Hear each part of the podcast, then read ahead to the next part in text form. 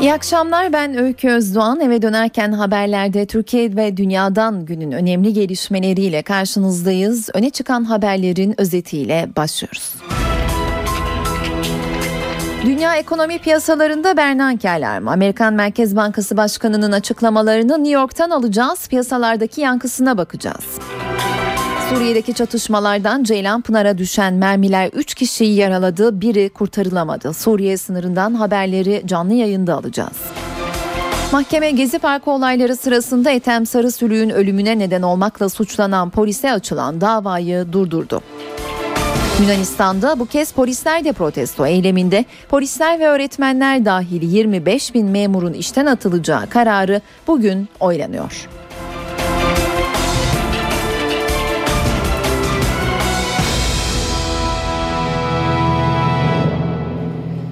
Dünya ekonomi piyasalarında gözler bugün Amerikan Merkez Bankası Başkanı'ndaydı. Bernanke Temsilciler Meclisi Alt Komitesi'nde az sonra genel ekonomik durum ve para politikası ile ilgili bir sunum yapacak. Piyasalar bu açıklamayı bekliyor ancak Bernanke aslında konuşma metnini yaklaşık bir saat önce Amerikan Merkez Bankası'nın internet sitesinden yayınladı.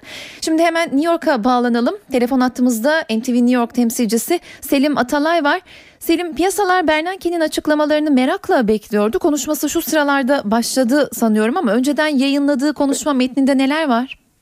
Şimdi e, şöyle bir kere Bernanke alarmı yok. Yani Bernanke hmm. tamam ilgiyle izleniyor, alakayla izleniyor ama alarm yok çünkü piyasalarda tepki olumlu. E, Bernanke'nin bir süredir verdiği mesajlar vardı. Onların teyidini ve tekrarını e, izliyoruz. E, yazılı metni okudu bitirdi. Şimdi şu an e, komitede soru cevap yapıyor, soruları cevaplıyor. E, onu izlemekteyiz. Ve söylediği şu, tekrar Fed durumu kontrol altında tutuyor. Fed olarak biz e, olayın üzerindeyiz. Fed olarak söylediklerimizin arkasındayız. Fed olarak belli bir süredir belli şeyleri tekrarlıyoruz. Bunu piyasalar daha yeni anlamaya başladı. Bunda bir mizahi pay var mı diye ben gözüne baktık yoktu. Yani e, şaka yapmıyor. Bizim söylediğimiz piyasa haftalardır söylediğimiz piyasa yeni anlıyor diyor. E, bu arada piyasanın da algılamasına ağır bir e, darbe var. Evet. Söylediği şu. E, evet e, şu an gazdan ayağımızı çekme yani bu aylık 85 milyarlık meşhur onları azaltma konusundaki takvim işlemektedir. Ancak bu takvim bir kanun değildir. Bu takvim çok sınırlara bağlı ya da e, e, katı bir takvim değildir. Yalnızca bir yol göstericidir. Bundan sonrası için verilere bakacağız ve duruma bakacağız. Eğer durum gerektirirse gazdan ayağımızı çekmek bir yana e, daha da gaza basabiliriz. Piyasaları desteklemeye devam edebiliriz. Zaten aylık alımların dışında Fed'in genel sıfır faiz politikası ve piyasa dostu yaklaşımı devam ediyor. Onda zaten bir tartışma olmaması lazım diyor Bernanke. Bunun dışında aylık alımlardan sıkıntısı olanlar için de eğer varsa bunlara da e, e, bakarak ve durumu e, tekrar tekrar gözden geçirerek e, alımları azaltma ya da artırma yönünde adım atabiliriz diyor. Eylül ve sonrasına işaret ediyor. Eylül'e kadar gelecek verilere bakacak. Eylül'e kadar gelecek veriler eğer Fed'i ve de dolayısıyla piyasaları tatmin ederse e, o zaman e, hafif ayağa birazdan ayağa çekmeye başlayabilir. Ama eğer etmezse işte e, enflasyon, e, büyüme, e, istihdam, diğer rakamlar, diğer veriler böyle bir sıkıntı yaratırsa o zaman da e, söylediklerinin tersine yani taksim e, katı takvime uymayıp duruma e, tekrar daha da gaz vererek devam edebilir. E, hedefimiz de diyor piyasalar değil, hedefimiz e, istihdam yaratmaktır. Hedefimiz e, Amerikan ekonomisini desteklemektir. Dolayısıyla öyle korkacak bir şey yok. E, yumuşak, babacan, sevecen bir Bernanke var. Borsada e, küçük adımlarla artıda e, diğer göstergeler de olumlu. Yani Bernanke'de e, olumsuz bir şey yok. Herkes kendi ekonomisine ve kendi işine baksın diyor Fed Başkanı. Peki Selim teşekkürler. NTV New York temsilcisi Selim Atalay, Fed Başkanı Bernanke'nin açıklamalarının ayrıntılarını ve piyasadaki etkilerini aktardı. Piyasalar Bernanke'nin açıklamasını bekliyordu dedik. Türkiye piyasaları da bekliyordu. Peki Amerikan Merkez Bankası Başkanı'nın açıklaması Türkiye'de piyasaları nasıl etkiledi? Doların yükselmesi bekleniyordu aksine düştü. Piyasalar Amerikan Merkez Bankası'nın tavrını hafif mi buldu? Bütün bu soruları CNBC'den Enis Şener'den cevaplıyor. İyi akşamlar. Küresel piyasaların yönünü belirleyen isim yine ABD Merkez Bankası Fed'in başkanı Ben Bernanke oldu. ABD Kongresi'nde bir sunum yapan Bernanke, parasal genişlemenin dozunun ekonomik gelişmelere göre ayarlanacağını söyledi. Piyasalar bu açıklamayı Fed varlık alımlarını azaltma konusunda aceleci olmayacak şeklinde yorumladı ve dolar satıp riskli varlıklarda alıma geçti.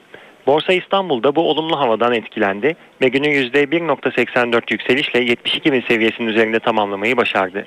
Gün boyunca oldukça yatay bir seyir izleyen BIST 100 endeksi Bernanke'nin mesajları sonrasında hızlı yükselişe geçti. Bernanke etkisi TL üzerinde de hissedildi. Oluşan iyimser havayla birlikte dolar TL bir ay aradan sonra ilk kez 1.91 seviyesinin altına geriledi. Gösterge tahvilin faizi ise %9'un altında kalmaya devam etti. Dış piyasalarda da olumlu hava vardı. Avrupa borsaları yükselirken Euro dolar 1.31.50'ye doğru hareketlendi. Spot altında da 1300 dolar sınırına kadar yükseliş vardı. Saatler 18.11'i gösteriyor. Ben Öykü Özdoğan. Eve dönerken programına devam ediyoruz. Türkiye'nin Suriye sınırı yine karıştı. Suriye'deki çatışmalar sırasında Urfa'nın Ceylanpınar ilçesine düşen kurşunlarla 3 kişi vuruldu. 17 yaşındaki Mahsun Ertuğrul adlı genç yolda yürürken göğsüne gelen kurşun nedeniyle hayatını kaybetti. 16 yaşındaki Mehmet Gündüz evinde televizyon izlerken başına isabet eden kurşun nedeniyle yoğun bakımda durumu ağır ve Cumhuriyet Mahallesi muhtarı Nezir Atilla yine evinde otururken koluna gelen kurşunla yaralandı. Tablo çok vahim. NTV Güneydoğu Bölge Temsilcisi Nizamettin Kaplan Suriye sınırında Ceylanpınar'da son durumu aktaracak bize. Nizamettin Suriye tarafında çatışmalar sürüyor mu? Ceylanpınar'da durum ne?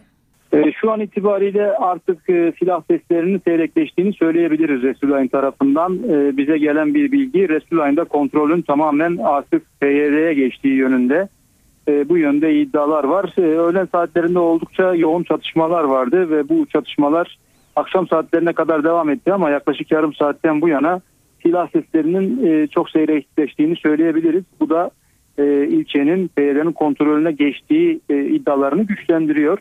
Bilindiği üzere dünden beri çatışmalar devam ediyordu. A, az önce e, sizin de verdiğiniz bilgide e, Ceylanpınar tarafında kurşunların hedefi olan bir kişi hayatını kaybetti. İki kişi de yaralandı. Yaralılardan birinin durumu ağır ve hayati tehlikesi devam ediyor. E, bu arada e, olayda yaşamını yitiren 17 yaşındaki Mahsum Ertuğrul bugün gözyaşları arasında Ceylanpınar ilçesinde toprağa verildi. İlçe mezarlığında e, defnedildi e, Ertuğrul. E, cenaze törenine Vali Celalettin Güvenç, Jandarma Alay Komutanı Emin Dursun, ilçe kaymakamı, e, ilçedeki bazı vatandaşlar ve ölen Ertuğrul'un yakınları katıldı. Vali Celalettin Güvenç daha sonra e, yine bu sabah olay, olaylar sırasında çatışmalar sırasında teken bir mermiden yaralanan yaralanan Cumhuriyet Mahallesi muhtarı Nezir Atilla'yı da evinde ziyaret ederek geçmiş olsun dileklerinde bulundu.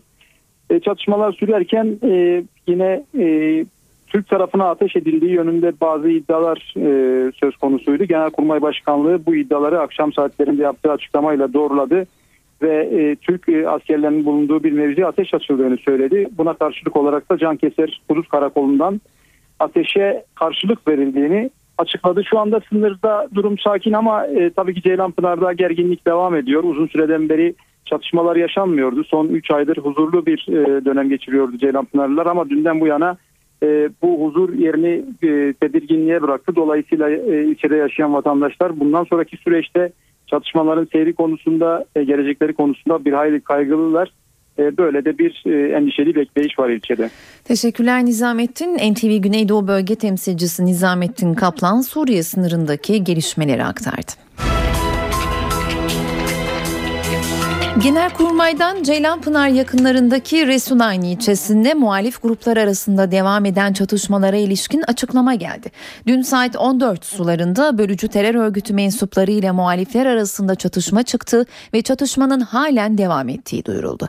Suriye tarafından seken kurşunla Ceylanpınar Cumhuriyet Mahallesi muhtarının hafif şekilde yaralandığı belirtilen açıklamada gece boyunca Ceylanpınar'daki evlere 4, ilçe emniyet müdürlüğüne de 10 merminin isabet ettiği kaydedildi. Açıklamada ayrıca angajman kuralları gereği Suriye topraklarından ateş açılan mevziye Cenkeser Hudut Karakolu'ndan ateşle karşılık verilmiştir denildi. Ethem Sarısülü'nün ölümünden yargılanan polisin davasında flash bir gelişme var. Ankara 6. Ağır Ceza Mahkemesi polis memuru hakkındaki davanın yargılama izni alınmadan açıldığına hükmetti. Yargılamanın durmasına ve gereğinin yerine getirilmesi için dosyanın Ankara Cumhuriyet Başsavcılığına gönderilmesine karar verdi. Polis memuru AÇ hakkında Ethem Sarısülü'yü meşru savunmada sınırın aşılması suretiyle öldürmek suçlamasıyla hazırlanan iddianame dün kabul edilmişti. Gezi olayları sırasında uğradığı saldırı sonucu can veren Ali İsmail Korkmaz'ın saldırıdan sonra polise verdiği ifade ortaya çıktı. Radikal gazetesinin yayınladığı tutanaklarda Ali İsmail Korkmaz bana niye saldırdılar bilmiyorum diyor. Sopalarla dövüldü, 37 gün komada kaldı. 10 Temmuz'da öldü. Radikal gazetesi Eskişehir'deki gezi eylemleri sırasında uğradığı saldırı sonucu hayatını kaybeden Ali İsmail Korkmaz'ın polise verdiği son ifadenin tutanaklarına ulaştı. Saldırının ertesi günü polise ifade veren Korkmaz, neden saldırıya uğradığımı bilmiyorum demiş. Eve giderken 5-6 kişilik bir grup önüme geçti ve sopalarla saldırdı. Başıma, sırtıma, bacaklarıma vuruyorlardı. Yere düşünce bırakıp kaçtılar. Bana kimlerin neden vurduğunu bilmiyorum. Sivil kıyafetliydiler. Korkmaz ifadesinde saldırının ardından arkadaşları tarafından hastaneye götürüldüğünü, beyin tomografisinin çekildiğini de söyledi. Tomografi sonrasında doktor bir şey yok birkaç güne kadar iyileşirsin demişti. Ancak üniversiteli genci bekleyen acı son ifade verirken kendini belli etmeye başlamıştı. Dün konuşma zorluğu çekmiyordum ama bugün olayı hatırlamakta zorluk çekiyorum. Bir dişim sallanıyor ve başım ağrıyor.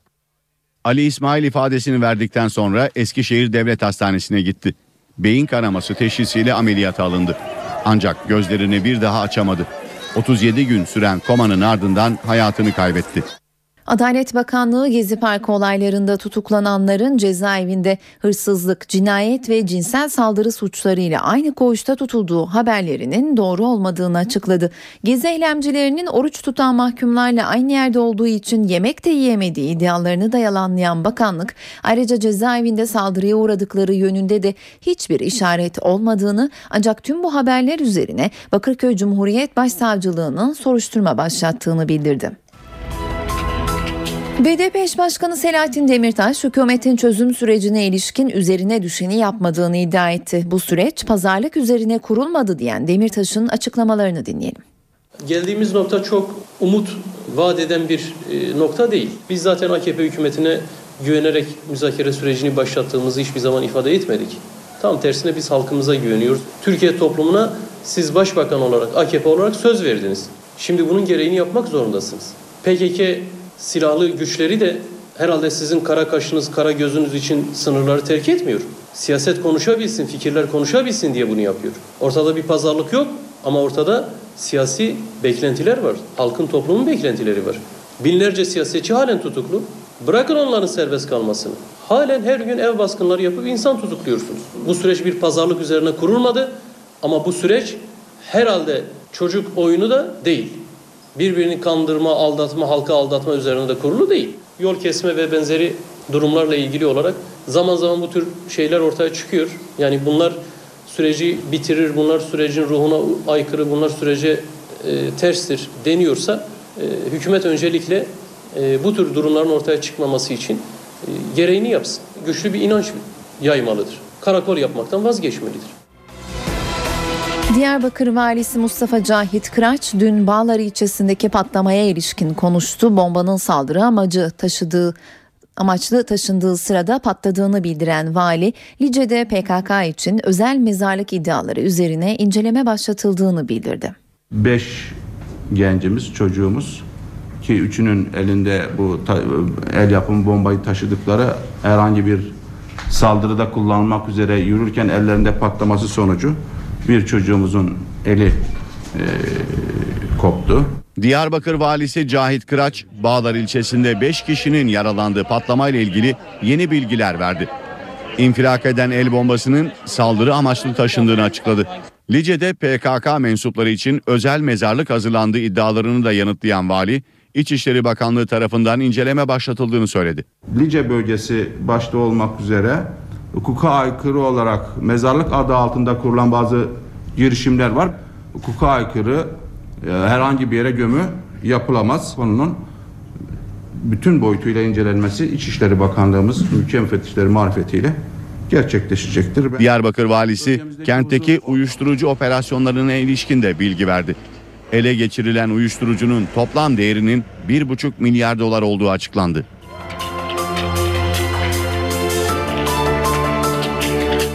Çankırı'da Susurlu kazası gibi bir kaza. Bir motosikletle kamyon çarpıştı. Ölen motosiklet sürücüsünün üzerinden MIT kimliğiyle silah ve mermiler çıktı.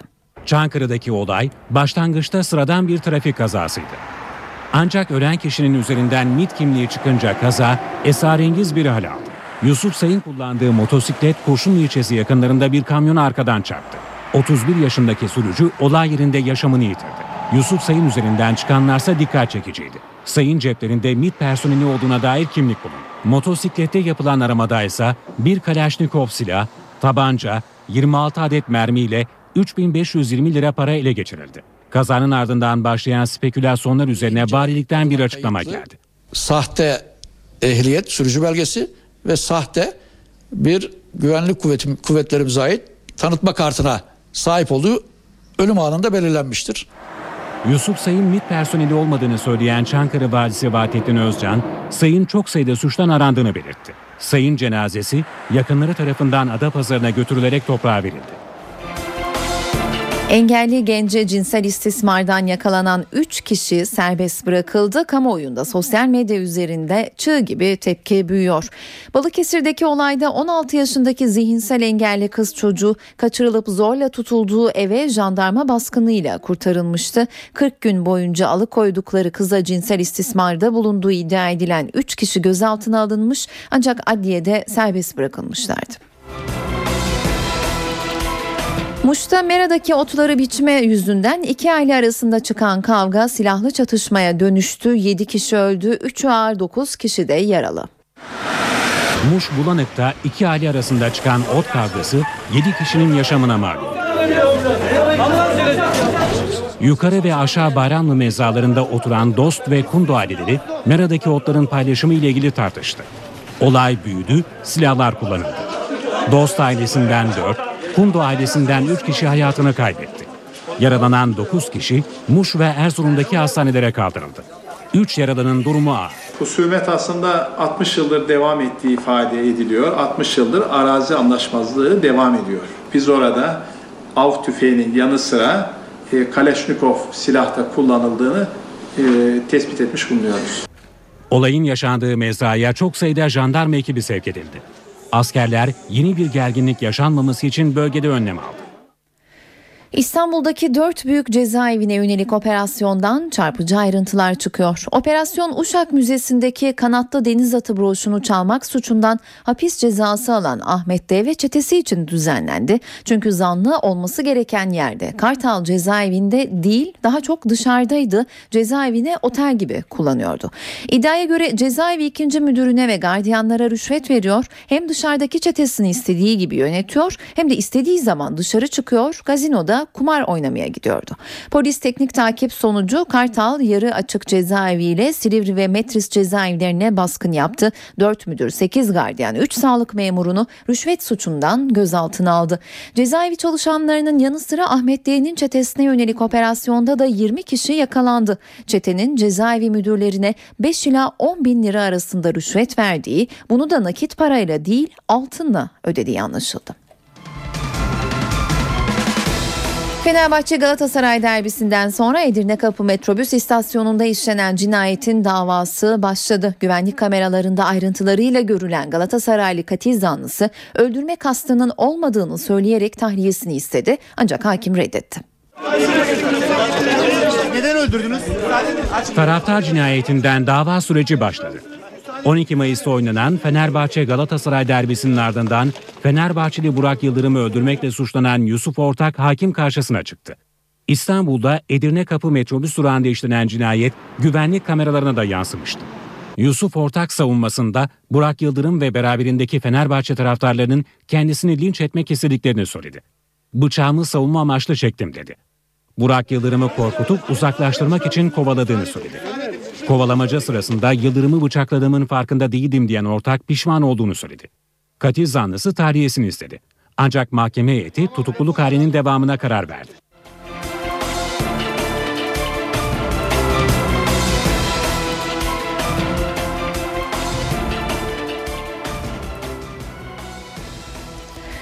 Dışişleri Bakanı Ahmet Davutoğlu Mısır'la Türkiye arasında köklü ve tarihi ilişkiler olduğunu kaygıları dile getirmenin iç işlerine müdahale olarak algılanmaması gerektiğini açıkladı. Davutoğlu bu açıklamayı Bakü'deki temasları sırasında yaptı. Türkiye-Mısır ilişkilerinin hiçbir zaman kesintiye uğramayacağını kaydeden Bakan Davutoğlu önemli olan halk idaresiyle göreve gelmiş iktidarın tekrar görevi devralmasıdır dedi. Dışişleri Bakanı Ermenistan'dan son günlerde gelen açıklamaları da tepki gösterdi ve bizden toprak talep etmek haddini bilmezliktir. Herkesi aklı selime davet ediyorum ifadesini kullandı. Ermenistan Başsavcısı Türkiye ile Ermenistan arasındaki sınırın yasal olarak belirlenmediğini, kaybedilen Ermeni topraklarının Ermenistan'a iade edilmesi gerektiğini öne sürmüştü.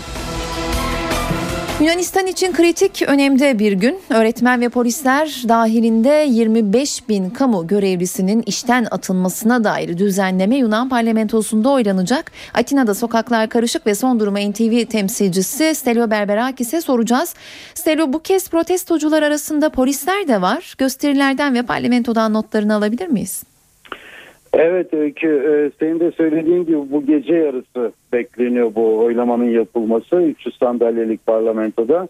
Hı hı. E, çok yönlü bir yasa tasarısı ve biliyorsun Yunanistan bu ekonomik e, krizden kurtulabilmek için gerek Avrupa Birliği'nden gerekse IMF'den görmüş olduğu mali yardımlar karşılığında bir dizi reformlar yapması gerekiyor ve bu reformlar çerçevesinde yapılacak zaten bu oylama yani bu çok yönlü yasa tasarısı ve e, senin de az önce söylediğin gibi memur sayısının azaltılması ki bu yıl sonuna kadar 12.500 kişi e, önümüzdeki yıl içinde bir o kadar da memur sayısının e, işten çıkarılma e, sını da öngörüyor. E, kaldı ki belediye e, polisinin polis teşkilatına bağlanması e, veya vergilendirme sisteminin yeniden e, yapılandırılması gibi e, birçok kanunu öngören bir yasa tasarısı bu çok yönlü yasa tasarısı. Buna karşı tabii e, memur sendikalarının şiddetli tepkisi var. Yalnız memur sendikalarının değil e, muhalefet partilerinin yani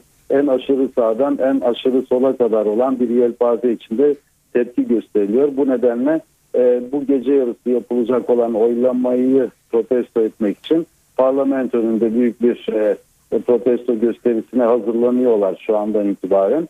E, evet e, çok sayıda da polis var tabii güvenlik önlemleri ancak e, burada uygulanan yöntem polis bu gibi gösterilere müdahale etmekten kaçınıyor. Yalnız kendilerine yönelik bir saldırı olduğu zaman müdahale edebiliyor. Yani böyle bir sistem uygulanıyor burada. Bakalım biliyorsunuz son zamanlarda Yunanistan'da şiddet olaylarına birçok kez tanıdık olduk. Fakat son bir yıldır bu e, e, şiddet olaylarında bir seyreklik seziliyor.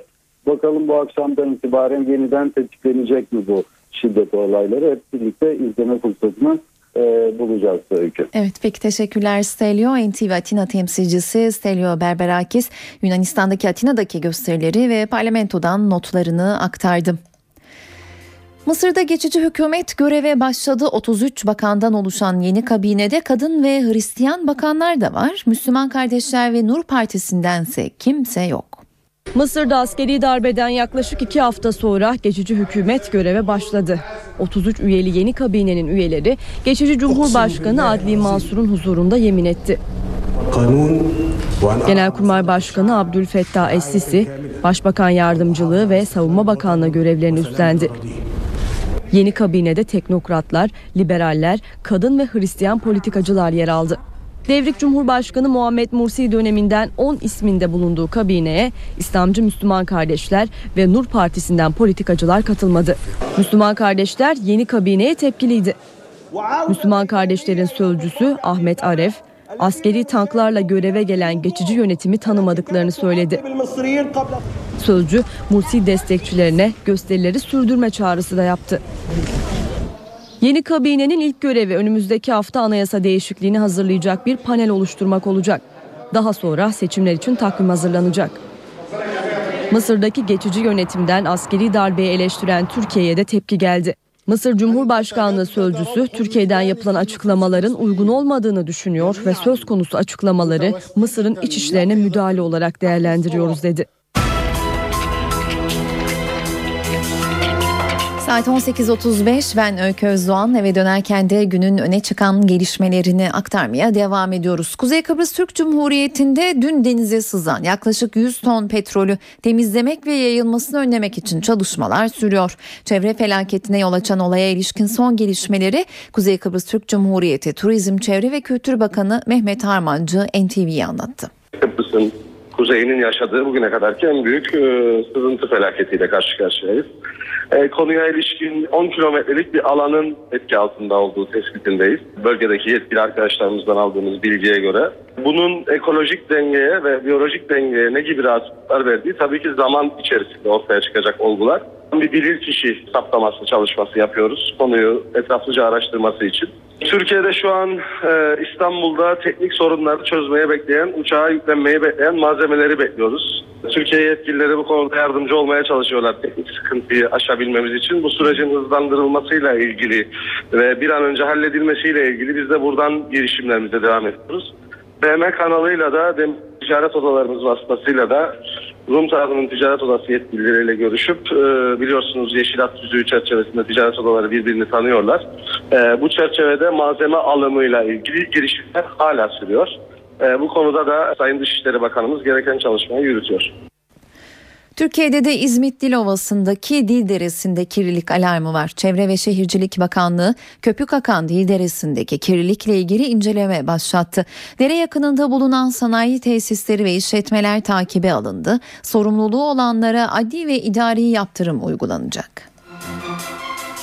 İstanbul'da üstün zekalı öğrenciler eylemdeydi. Gerekçe üstün zekalı öğrencilere eğitim veren tek devlet okulu olan Beyazıt Ford Otosan İlköğretim Okulu'nun 4 artı 4 artı 4 sistemine geçmesi. Artık 4. sınıfa kadar eğitim verecek. Hem üstün zekalı öğrenciler hem de veliler endişeli. Türkiye'de üstün zekaların öğrenim gördüğü tek devlet okulu artık sadece özel çocuklara eğitim veremeyecek. İlk öğretim okulu 4 artı 4 artı 4 sistemine geçti. İlkokul olarak eğitime devam edecek. Ve kapıları her öğrenciye açık olacak. Biz kanunda bir ayrıcalık rica ediyoruz. Bizim çocuklarımız buraya sınavla geldi. Bizim velilerimiz çok uzaklardan buraya çeşitli maddi manevi fedakarlıklar yaparak bazıları evlerini taşıyarak geldiler. Bu yıl 5. sınıfa geçen 48 üstün zekalı çocuk açıkta kaldı. Birinci sınıf için kayıtlarsa sadece okulun bulunduğu bölgeden alınacak. Ben bu okula sınavla geldim. Okulumuzun ilkokul olmasını istemiyorum. Daha başka okula gitmek istemiyorum. Ee, eleştirilebilirim, kötü an- anlaşılabilirim yani. Üstün zekalı öğrenciler ve velileri okullarının önünde eylemdeydi.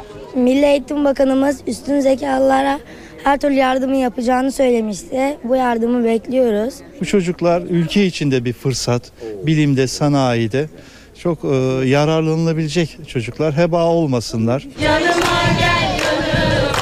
Çocukların protestoları da kendilerine özgüydü. Bu okul benim hayalimdi. Ölürüm de vermem. Okulda 380 üstün zekalı öğrenci var. Öğrencilerin çoğu devlet okullarına gidecek. Maddi durumu iyi olanlarsa özel okulları tercih edecek. Yanıma gel. Darphaneden dün gelen tonlarca altın piyasayı rahatlattı. Bu sabah güne düşüşle başlayan altın fiyatları akşama doğru yine yükseldi. Kapalı çarşıda çeyrek altın 140 liradan işlem görüyor. Yarım altın 273 lira, Cumhuriyet ise 550 liradan satılıyor. Altın güne düşüşle başladı. Çeyrek altın kapalı çarşıda 135 liraya kadar indi. Gün içinde fiyatlar eski seviyelerine ulaştı. 142 lira çeyrek altın yani 13 lira bir işçilikle işlem görüyor 10 lirayla 13 lira arasında. Ata lirada 558 lira. Darphanenin bu altını vermesiyle piyasa biraz rahatladı. Geçici olarak. Ama bunun devam etmesi lazım. İstanbul için 4 ton çok büyük ama bir Türkiye'ye böldüğün zaman 80 vilayete böldüğün zaman vilayet başına 30 kilo 40 kilo bir altın düşer. Dükkan başına 100 gram altın düşer. Hiçbir şey değil bu. Son günlerde düşen fiyatlardan faydalanmak isteyenler altın almak için kapalı çarşıdaydı. Bayramdan sonra nişanım var. Takı almaya geldim. Bilezik ve takı seti almaya geldim. Bir hafta kala almayı düşünüyorduk ama fiyatlar bayağı bir düşmüştü. Onun için erken geldik. Bundan yararlanmak istedik. Gazi Osman Paşa'da oturuyorum. Oradaki fiyatlarla yani buradaki fiyatlar arasında e, Cumhuriyet başına örneğin 10-15 lira e, rakam oynuyor. E, biz de hani e, burası tam piyasası göbeği diye buraya geldik. Darphane çalışanlarının grevi de sürüyor. Çalışanlar maaş ve çalışma koşullarının düzeltilmesi için grev yapıyor. Hava durumuyla devam ediyoruz. NTV Meteoroloji Editörü Gökhan Abur son hava tahminlerini aktaracak. İyi akşamlar. Batıda yarın da kuvvetli esecek rüzgarlar sıcaklıkları azaltıyor. Ama Cuma günü Ege'de, hafta sonu ise Marmara ve iç kesimlerde sıcaklıklar yeniden ve hızla yükselecek. Doğu ve Güneydoğu'da ise yüksek sıcaklıklar etkisini sürdürmeye devam ediyor. Antalya, Muğla, Denizli, Burdur, Isparta, Afyonkarahisar, Kütahya, Eskişehir, Ankara, Çankırı, Kastamonu arasındaki yerel sağanaklar yer yer kuvvetli olmak üzere yarın da devam edecek. Yarın ayrıca Marmara'nın doğusu ve Karadeniz boyunca aralıklı Mersin, Niğde, Kayseri arasında hafif yağış geçişleri görülecek. Cuma günü de Rize Artvin arasında daha kuvvetli olmak üzere Orta ve Doğu Karadeniz'de yağış var. Cumartesi günü yurt genelinde sıcaklıklar yükselirken yağışlar da giderek etkisini kaybedecek. İstanbul'da Poyraz yarın da kuvvet. Kentin kuzeyinde yağmur devam edebilir. Sıcaklık 27 derece olacak. Gece sıcaklığı ise 22 derece. Ankara'da yarın sıcaklık 29 derece, gece sıcaklığı 18. Yağmur ise kentin batısında devam edebilir. İzmir'de hava parçalı bulutlu sıcaklık 29 derece, kuvvetli rüzgar hafta sonu giderek etkisini kaybedecek. Gece sıcaklığı İzmir'de 24 derece. Hepinize iyi akşamlar diliyorum. Hoşçakalın. Günün kültür sanat etkinliklerine geçmeden önce Anadolu'dan özel bir çalışmanın haberini verelim. Mutfak Dostları Derneği'nin belirlediği Anadolu'ya özgü yiyecekler Slow Food hareketinin Nuh'un ambarı listesine girmek için yarışıyor. Anadolu tatları dünya ile buluşacak. Mutfak Dostları Derneği Türk mutfağına özgü lezzetleri Nuh'un ambarı listesine sokmak ve korumak için kolları sıvadı. Tescil niye gerekli? Sapla samanı birbirinden ayırmak için. Özgün yöreye e, ait bir geleneksel ve kaybolmak üzere olan çünkü sanayi altında rekabet edemeyip yok olmak üzere olan e, ürünleri tescil edip koruma altına almak lazım. Aday listede Kars kaşarı, Çamlı hemşin karakovan balı, Denizli yanık yoğurdu, tarhana, çavuş üzümü gibi ürünler var. Projenin finansmanı ise Avrupa Birliği tarafından sağlanıyor. Listeye girecek gıdaların geleneksel üretim süreçleriyle elde edilmesi ve çevredeki halka bağlı olması gerekiyor. Divle Obruk peyniri Karaman'ın Ayrancı ilçesindeki e, Divle yani Üç Harman e, köyünde üretilen bir peynir. Bu peynirin özelliği 300 haneli bu köyde herkes bu peyniri üretiyor. Peynir e, bilinirlik kazandıkça, slow food'un ağına dahil oldukça e, tüketiciler bu ürünle tanışacak ve bu ürünün neden bu kadar değerli olduğunu, neden bu ürüne daha fazla fiyat ödeyip e, sahip olmaları gerektiğini, satın almaları gerektiğini kavramış olacaklar ve yörede sürdürülebilir e, bir kırsal kalkınma e, projesi başlamış olacak. Mutfak Dostları Derneği tarafından belirlenen ürünler uluslararası komitenin onaylaması halinde listeye girecek. Gelelim kültür ve sanat dünyasından haberlere size çeşitli etkinliklerden bir derleme sunuyoruz. İstanbullu müzik severleri bugün flamenko ve caz dolu bir gece bekliyor. Flamenco Sketches adlı son albümünde Miles Davis'in caz tarihine geçen Kind of Blue kaydını flamenko perspektifinden yorumlayan Barcelonalı piyanist Chano Dominguez, İstanbul konserinde caz ve flamenko tınılarını bir arada sergileyecek. Konserde Dominguez'e bir flamenko dansçısı ve vokaliste eşlik edecek. Konsere İstanbul Arkeoloji Müzesi ev sahipliği yapıyor. Chano Dominguez saat 21.30'da sahnede olacak. European Jazz Club kapsamında da Ece Göksu dinlenebilir bu akşam. Son zamanlarda adından sıkça söz ettiren vokal, dünyanın en iyi armonika virtüözlerinden Gregor Mare ile paylaşıyor sahneyi. Ece Göksu son albümü Masaldan Şarkılar seslendireceği konserine saat 22.30'da başlıyor. Konser mekanı Salon İKSV. Vera'da Beyoğlu Hayal Kahvesi'nde bir konser verecek. Grup sevilen şarkılarıyla saat 22.30'da hayranlarının karşısında olacak. Yıldızlı Geceler ise bu akşam Candan Erçetin'i ağırlıyor. Harbiye Cemil Topuzlu açık hava sahnesindeki konserin başlama saati 21.30. Bu akşam evdeyseniz CNBC'de The Usual Suspects olan Şüpheliler adlı film izlenebilir. Başrollerinde Gabriel Byrne, Kevin Spacey ve Benicio Del Toro'nun yer aldığı filmin yönetmen koltuğunda Bryan Singer oturuyor. Karmaşık bir olay örgüsüne sahip olan 1995 yapımı film, şoke eden finaliyle akıllara kazınmıştı. Filmin başlama saati 22. Öncesinde ise saat 21'de Revolution ekranda olacak. Star TV'de de saat 20'de yabancı film Mega Zeka, 22'de ise yarışma programı Çocuk Oyuncağı ekrana gelecek. Saat 18.52 ben Öykü Özdoğan eve dönerken spor haberleriyle devam edeceğiz ama önce Siirtli gencin NBA hayaline bakalım. Siirt'te 17 yaşındaki basketbolcu Hasan Eren NBA yolunda ilk adımı attı. Kolej ligi seçimlerinde ilk 3'e girdi. Amerikalı antrenörler Siirtli basketbolcu izlemeye aldı. NBA'in ilk adımı olan Kolej Ligi için 3 hafta önce Diyarbakır'da seçmeler vardı. 17 yaşındaki Hasan Eren 120 sporcu içinden ilk 3'e girdi. Antrenörler genç basketbolcuyu 3 aylık bir takibe aldı. Eren bu süre boyunca İngilizcesini ve basketbolunu yeteri kadar geliştirirse Amerika'da üniversite için burs kazanacak. Okul bitene kadar da NCAA'de oynayacak. Basketbol alanında dünyanın zirvesi yani oraya ulaşan bir basketbolcu hayaline kavuşmuş olur. Çünkü orası NBA yani dünyanın en iyi oyuncuları orada. LeBron olsun, Iver, Iverson olsun, Derrick Rose olsun. Yani bunla- bunlarla oynayacaksınız. Genç yetenek bir yandan okula gidiyor, bir yandan internet kafede çalışıyor, bir yandan da antrenmanlara katılıyor. kısıtlı imkanlarla kısıtlı bir zamanda hem okul hem iş hem basketbol yani spor anlamında bunları birbirinin içine sığdırabilen ender sporculardan biri. Yeteneği konusunda zaten e, herkesin hemfikir olduğu bir konu. Hasan Eren Amerika hayali için günde 4 saat antrenman yapıyor. Şimdi günün öne çıkan diğer spor gelişmelerine göz atalım. 2013-2014 sezonu Spor Toto Süper Lig fiksürü çekildi. Sezonun ilk derbisi 5. haftada Beşiktaş'la Galatasaray arasında oynanacak. Fenerbahçe ile Galatasaray arasında oynanacak ilk derbiye ise 13. hafta ev sahipliği yapacak. 18 takımın mücadele edeceği Spor Toto Süper Lig'de yeni sezon 17, 18, 19 Ağustos 2013'te oynanacak. İlk hafta maçlarıyla başlayacak. Ligin ilk devresi 28-29-30 Aralık 2013 tarihinde oynanacak. 17. hafta maçlarıyla sona erecek. Süper Lig'in 56. sezonunun ikinci yarısı 24 Ocak 2014'te başlayacak ve 34 haftalık maraton 19 Mayıs 2014'te tamamlanacak. Spor Toto Süper Lig'de ilk hafta maçlarının programı ise şöyle. Torku Konya Spor Fenerbahçe, Kardemir Karabük Spor Kasımpaşa, Akhisar Belediyespor Sanika Boru Elazığ Spor, Kayseri Spor Sivas Spor, Çaykur Rizespor Gençler Birliği, Beşiktaş Trabzonspor, Medikal Park Antalya Spor Kayseri Erciye Spor, Galatasaray Gaziantep Spor ve Eskişehir Spor Bursa Spor. Beşiktaş'ta Almanya kampı sonrası verilen izin sona erdi. Almanya kampının ardından teknik direktör Slaven Bilic'in 4 gün izin verdiği siyah beyazlar bu sabah tesislerde bir araya geldi. Kafile daha sonra Sabiha Gökçen Havalimanı'ndan Avusturya'ya uçtu. Siyah beyazlar Avusturya'nın Lienz bölgesinde kampa girecek. Beşiktaş İngiltere'nin Queen's Park Rangers, Almanya'nın Schalke 04 ve İngiltere'nin Southampton takımlarıyla hazırlık maçı yapacak. Siyah beyazlar 28 Temmuz pazar günü son bulacak ikinci etap çalışmaların ardından yeni sezon hazırlıklarına İstanbul'da devam edecek. Trabzonspor ses getirecek bir transferi imza attı. Bordo Maviller Chelsea'nin Fransız yıldızı Maluda'yı kadrosuna kattı.